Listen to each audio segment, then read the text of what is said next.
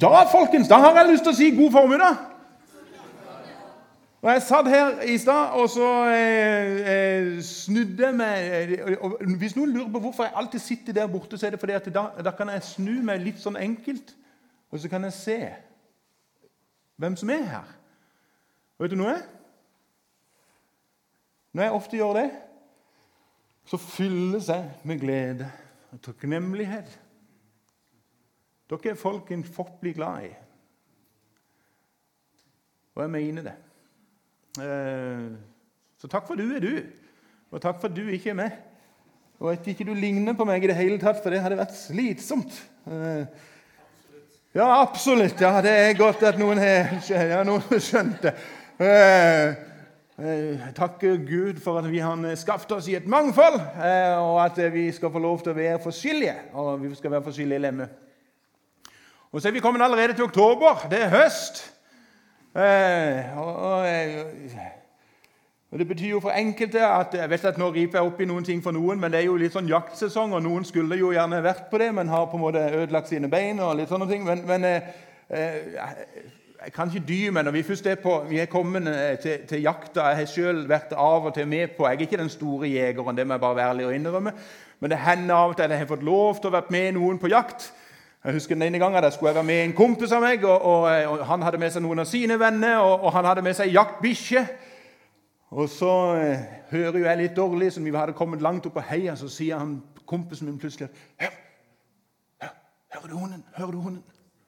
Og Jeg står jo der og lytter og lytter og lytter og sier nei, jeg hører ingenting. Nei, nei, men Nå har han los, og så etter en liten stund så sier jeg ja, nå hører han! jeg hører han, hører han. Ja, ja, men nå er han jo rett der. Og så pekte han, og så gikk han jo bare ti meter ifra oss. Det er at, eh, så Den store jegeren er jeg absolutt ikke. Men det var jo en for et jaktlag som alltid skrøt så hemningsløst at han skjøt alltid så utrolig mange ryper. Det var med som uten, uten unntak så hadde han skåret nå vanvittig med ryper, men han skulle alltid gå alene. Det var aldri noen som fikk lov til å være med han på jakt. Så han kom hjem, og han lirte av seg den ene jakthistorien etter den andre. Til slutt så var det en som ble nokså irritert og spurte du seriøst, kan jeg ikke få lov til å være med deg iallfall én gang. med sånn. Og Etter mye fram og tilbake så fikk han lov. Og Ut på jakt gikk de, og det gikk ikke lange stunder før det fauk opp ei rype. Jegeren opp med bøssa, lada til og fyrte av. Og Da hoiste han plutselig til sin kompis som var med han.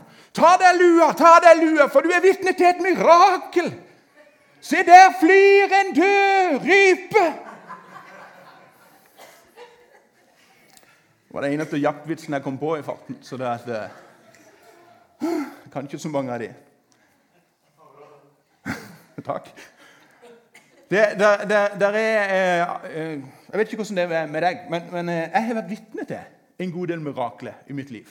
Jeg har sett en del under i de årene jeg har levd.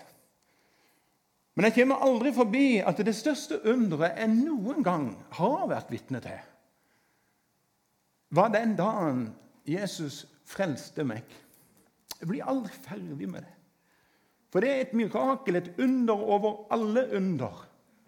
Den dagen et menneske møter Jesus Kristus som sin Herre og Frelser.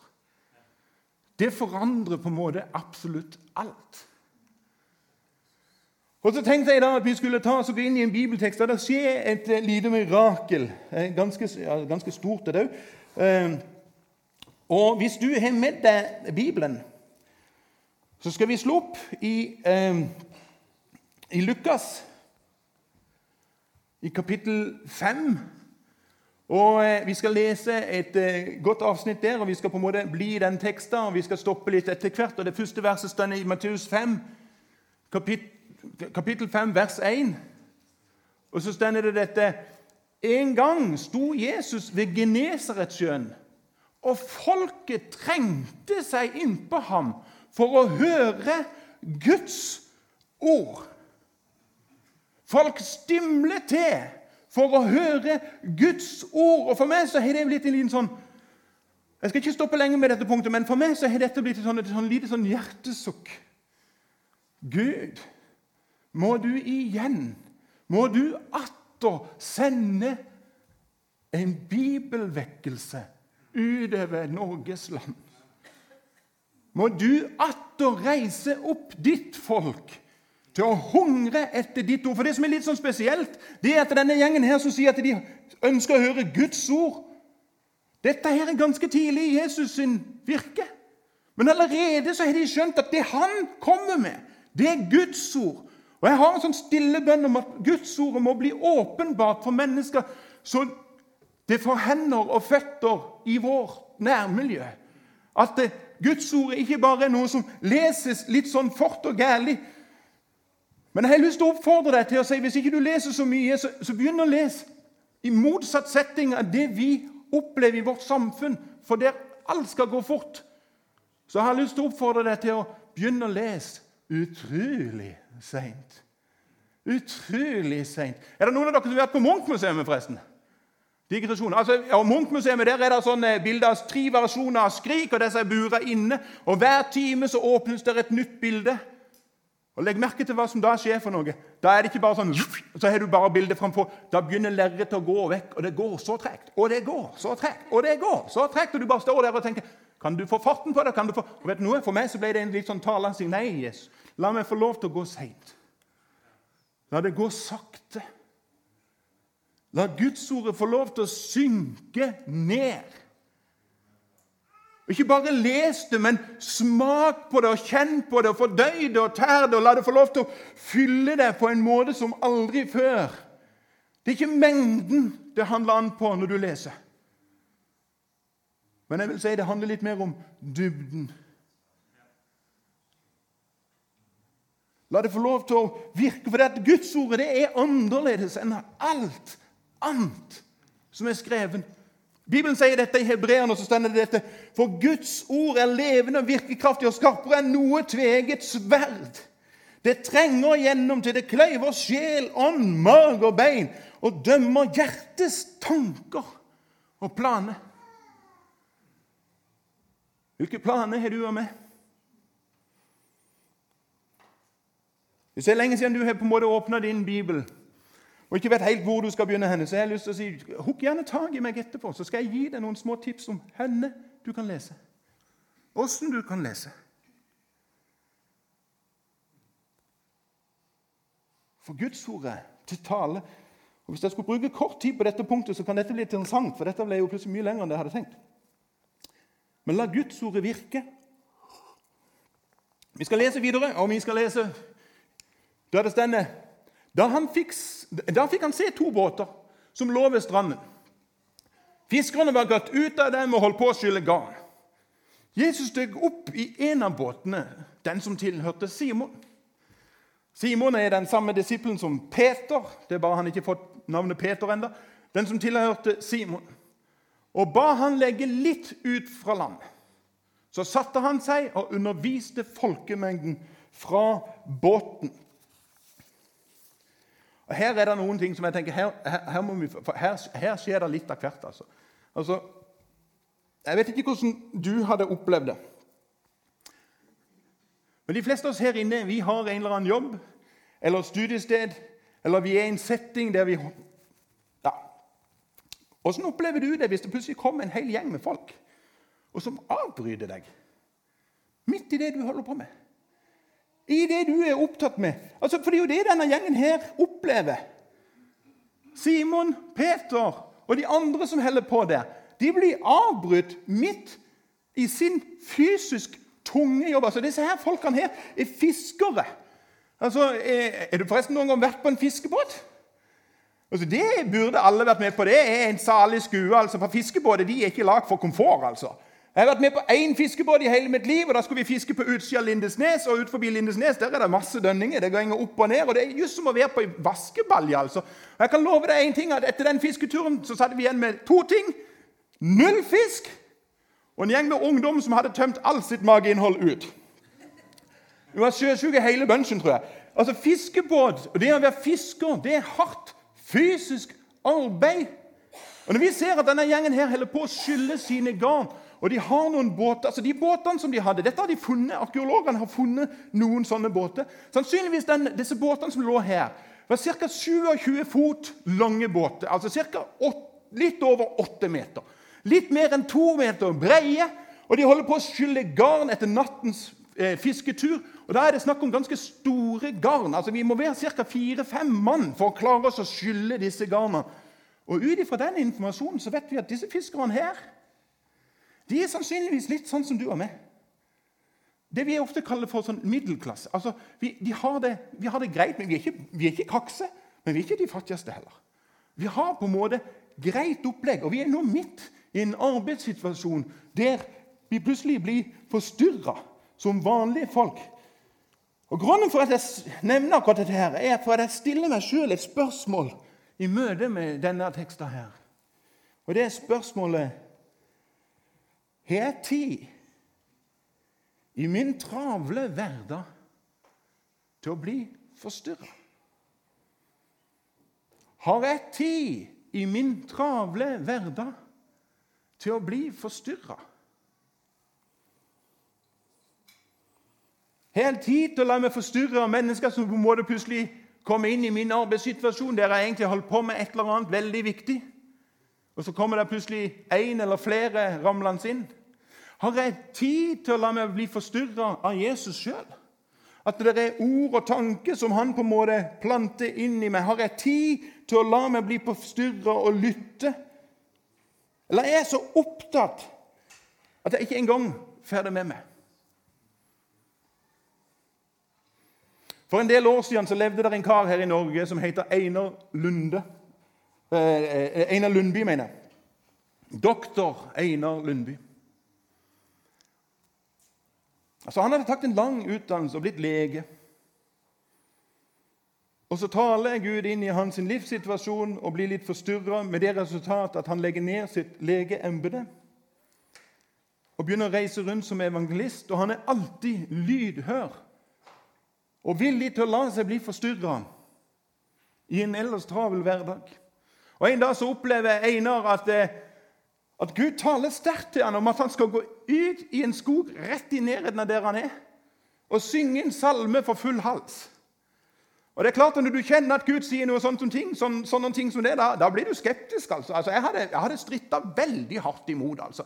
Hvis jeg skulle ha stått ute på, eh, i ureddløypa oppe på Stridsklev og sunget for full hals, da vet jeg ikke hva jeg hadde sagt til Jesus. Men Einar var fram og tilbake, og til slutt så skjønner han vet du, dette her er jeg bare nødt til å gjøre. Og Så går han ut i skogen midt på natta, og så synger han for full hals en gammel salme som vi har i gamle salmebøker. Velt alle dine veier og all din hjertesorg på Ham som evig eier den hele himmelens borg. Han som kan stormen binde og bryte bølgen blå. Han skal òg veien finne, den vei hvor du kan gå. Og så gikk Einar hjem igjen. Og han tenkte med seg sjøl det der, der var veldig sært. Men nå har jeg vært lydig, og han kjente han hadde fred for det. og Han gikk hjem og la seg. og Skjønte aldri hvorfor all verden han skulle gjøre det. Før etter mange, mange år så kommer det en mann bort til han og så sier han, du, For flere år siden så sto du ute i en skog og sang 'Velt alle dine veier'. Jeg var òg i den skogen. Jeg så deg, du så ikke meg. Men jeg hørte din sang. og Grunnen til at jeg var i den skogen, var at jeg hadde bestemt meg for at jeg skulle ta mitt liv. Men når sangen ljomte, da kom det et lys inn i mitt mørke som greip meg, og som forvandla mitt liv. Sånn at jeg står her i dag og kjenner Han som jeg kan velte alle mine veier på. Einar var villig til å la seg bli forstyrra.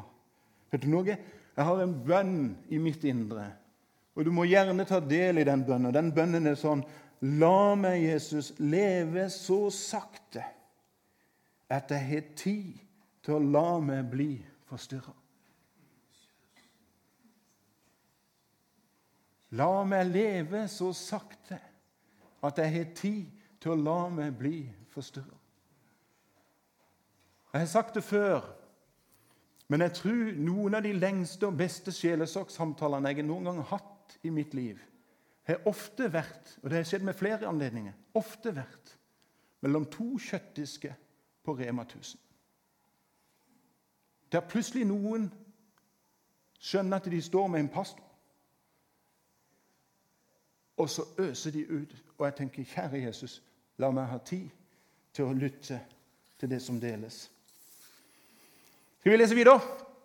Da han var ferdig med å tale, sa han til Simon, legg ut på dypet og sett garn til fangst. Mester, svarte Simon, vi har strevd hele natten og ikke fått noe. Men på ditt ord vil jeg sette garn. Så gjorde de det, og fikk så mye fisk at garnet holdt på å revne. De ga tegn til de arbeidslagene i den andre båten at de skulle komme og ta i med dem. Og da de kom, fylte de begge båtene så de var nær ved å synke. Vet du hvor mye fisk du trenger for å få en 27 fot båt til å synke? Mangfoldige 100 kilo. Vi snakker om en enorm fangst.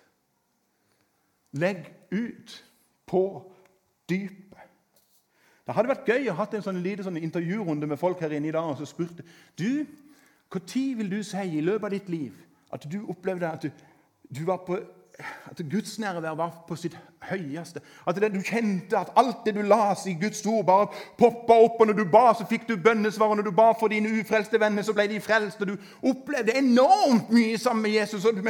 det var sånn at Du følte at Jesus nærvær det var så tett og så nært at du, var nesten sånn at du så Jesus levende føre deg hver eneste dag. For noen av dere så er det kanskje akkurat sånn du har det akkurat nå. For noen av dere andre så er det kanskje sånn at ja, jeg husker en gang. For lenge, lenge siden. Da var det sånn. Og For noen så er det kanskje sånn vet du noe, Tore, Der har jeg aldri vært, og jeg har aldri kjent noe behov for å være der. Eh, men, men jeg har merka meg noen ting. Og det er at eh, ut ifra de versene vi nettopp leste At det, det skjer noe når jeg kalles ut på et dyp der jeg ikke tenker at jeg sjøl alltid har helt kontrollen For altså, Ofte når sånne ting skjer, litt sånn som den historien om Einar Lundeby, Lundeby at Når det høres som villest ut altså, altså Se deg føre deg den diskusjonen. altså Jesus, hva er det han var? Snekkersønn. Og Simon Peter, en garva fisker. Altså, altså Altså, Fiskere hører jo ikke på snekkere. Altså, altså, Alle fiskere vet at du, du fisker ikke på høylydsdag. Altså. Det er jo ingen fiskere som gjør det. Men det er en greie med Simon Peter som er litt sånn, og som er min bønn, og så håper jeg kan være din bønn òg. At det er dette her at det, Men på ditt ord Jesus, når du kaller meg ut på et djup La meg tørre å gå på det det er ditt ord, selv om det virker sprøtt. Jeg kan love deg en ting. At uh, når jeg fikk en telefon for, for uh, snart ni år siden om, om, vi kunne komme til Porsgrunn, uh, da var det litt sånn Ja, ja. Kjære Gud. Alle mulige andre ting enn Porsgrunn. Liksom. Altså, det, vi legger ikke ut på sånne djup. Altså, hvem flytter til Porsgrunn, liksom? Altså, altså, her er det djupt. Altså, er det, altså, det var sånn jeg opplevde det. Men Jesus, la meg ha en bønn om at ikke på ditt ord, men ikke på mitt ord, men på ditt ord. La meg tørre å gå når du kaller. For min sånn erfaringsmessig er at eh, når jeg tør å gå ut på et djup der jeg tenker at her har ikke jeg kontroll Hva skjer når du og meg ikke har kontroll? Nei, jeg satt i fiskebåten ut forbi Lindesnes, og det gikk i alle retninger bauger og fiskesnøre i, i, øst og vest, og null fisk, og gutta sto over båtribba. Jeg, hadde, jeg, jeg stolte på én i den båten. Og Det var kapteinen på den båten. Skipperen. Jeg stolte vilt på at han hadde kontroll, for nå har ikke jeg kontroll. Det er det som er utfordringa vår. Det er ofte når Gud kaller oss ut på et dyp. Vi har så et desperat behov for å ha kontroll. Men hva skjer når vi tør å gå ut på et sånt dyp? Jo, vi erfarer jo at når vi går på Guds ord, så blir avhengigheten til Jesus så enormt mye større. Jeg har liksom ikke noe annet å stole på enn deg alene, Jesus. Ingen andre kan hjelpe meg nå. Nå, jeg, nå, er det bare du som holder dette her. Og vet du noe? Da opplever en plutselig at nærværet av Gud blir enormt mye annerledes enn når vi på en måte bare cruiser rundt i vår vanlige hverdag.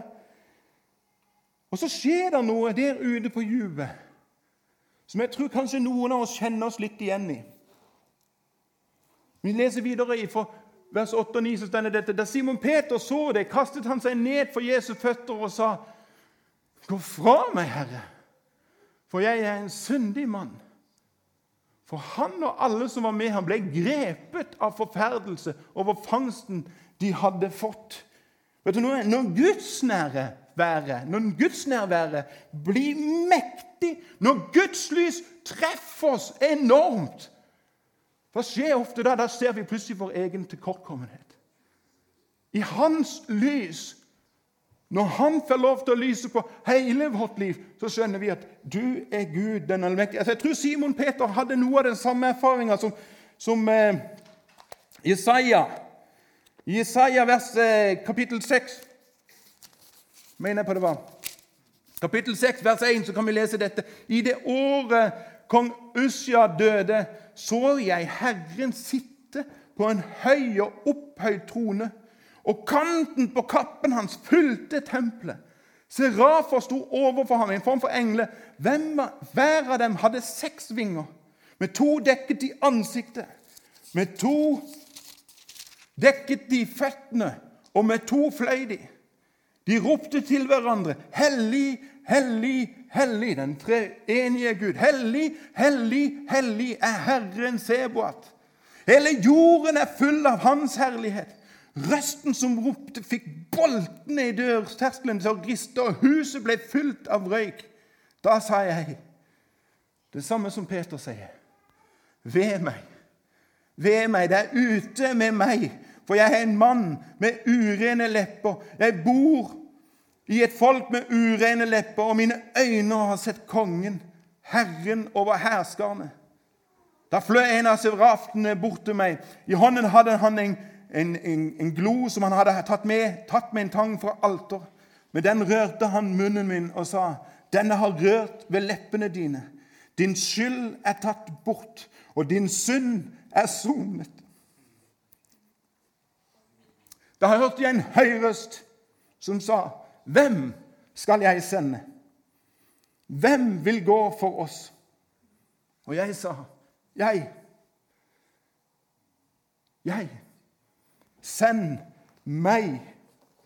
Din skyld er tatt bort, og din synd er sona. Vet du noe? Det er det samme som blir sagt over ditt og mitt liv. Vår skyld er tatt bort, vi som er tatt imot Jesus. Vår synd er sona. Vet du noe?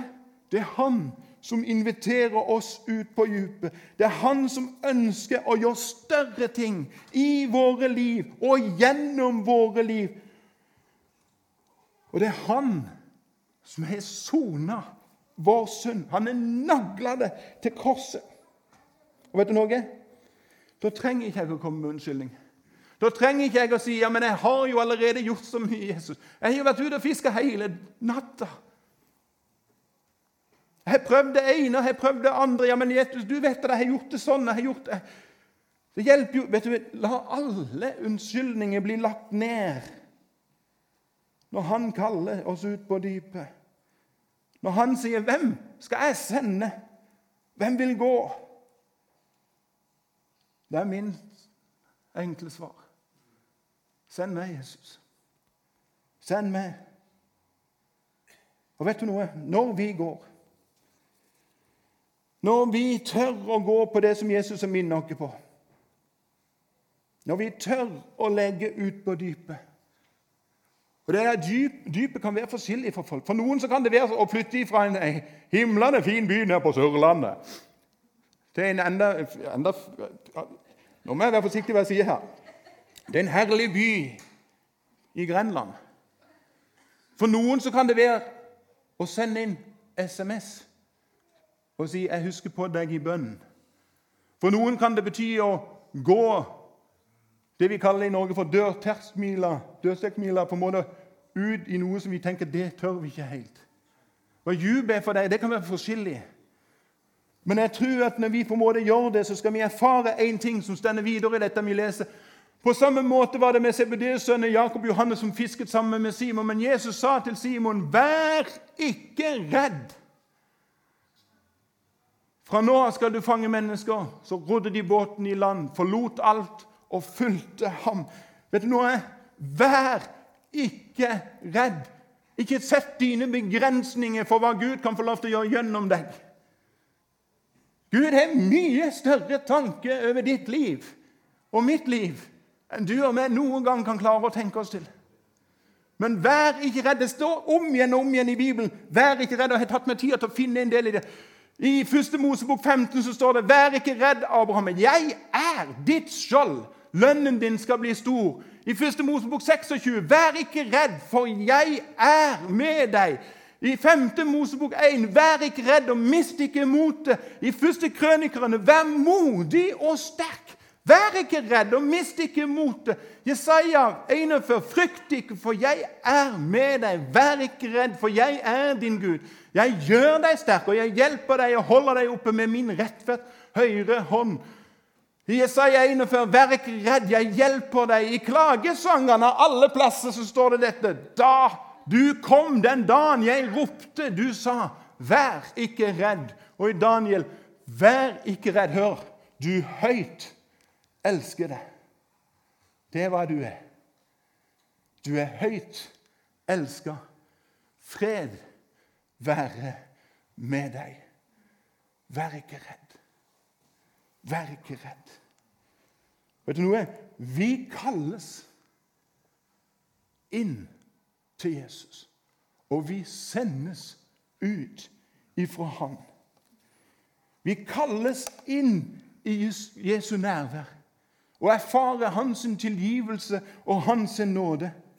Og så sendes vi ut for å vitne om den nåden vi har mottatt.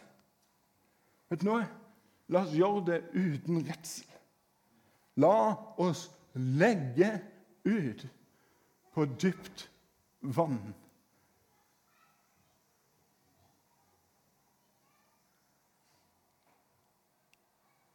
Da jeg forberedte dette, så kjente jeg veldig sterkt at om det er noen her i salen eller noen som sitter og hører på dette på podkasten etterpå, som har i lang tid hørt en kallelse til å gjøre noe som du har tenkt jeg vet ikke om jeg tør, jeg vet ikke om jeg tør, jeg vet ikke om jeg tør, og som du bare tenkte at det er altfor djupt, altfor vanskelig, altfor tøft Vet du noe? Det er en som kaller deg til å legge ut på dypet. Sånn at Gud skal gjøre større ting i ditt liv. Helt, helt til slutt. Vi leste De forlot alt og fulgte ham. Jeg har lyst til å spørre deg et enkelt spørsmål mens lovsangstimen kommer fram. Hva trenger du å legge ned? Hva trenger jeg å legge ned? Hva trenger vi å forlate for at Jesus kan gjøre et større verk i våre liv? Hva er det du trenger å legge ned? Hva er det som holder deg fast? Hva er det som hindrer deg fra å gå når Jesus kaller? Himmelske Far, jeg takker deg for det at eh, det er trygt å gå når det er du som kaller. Takker deg for det at du er for oss, du er ikke imot oss. Takker deg for det at vi kan eh, legge hele våre liv i dine allmektige hender. Og vite at du bærer oss. Takker deg for det at når du kaller oss ut på dypet, så er det ikke for at du krever noe av oss. Men din invitasjon om at du ønsker å gi oss noe mer. At vi skal erfare velsignelsene. Du velsigna Simon Peter og gjengen med et lass med fisk. Du ønsker å velsigne hver eneste en her inne, Jesus. Det takker jeg deg for.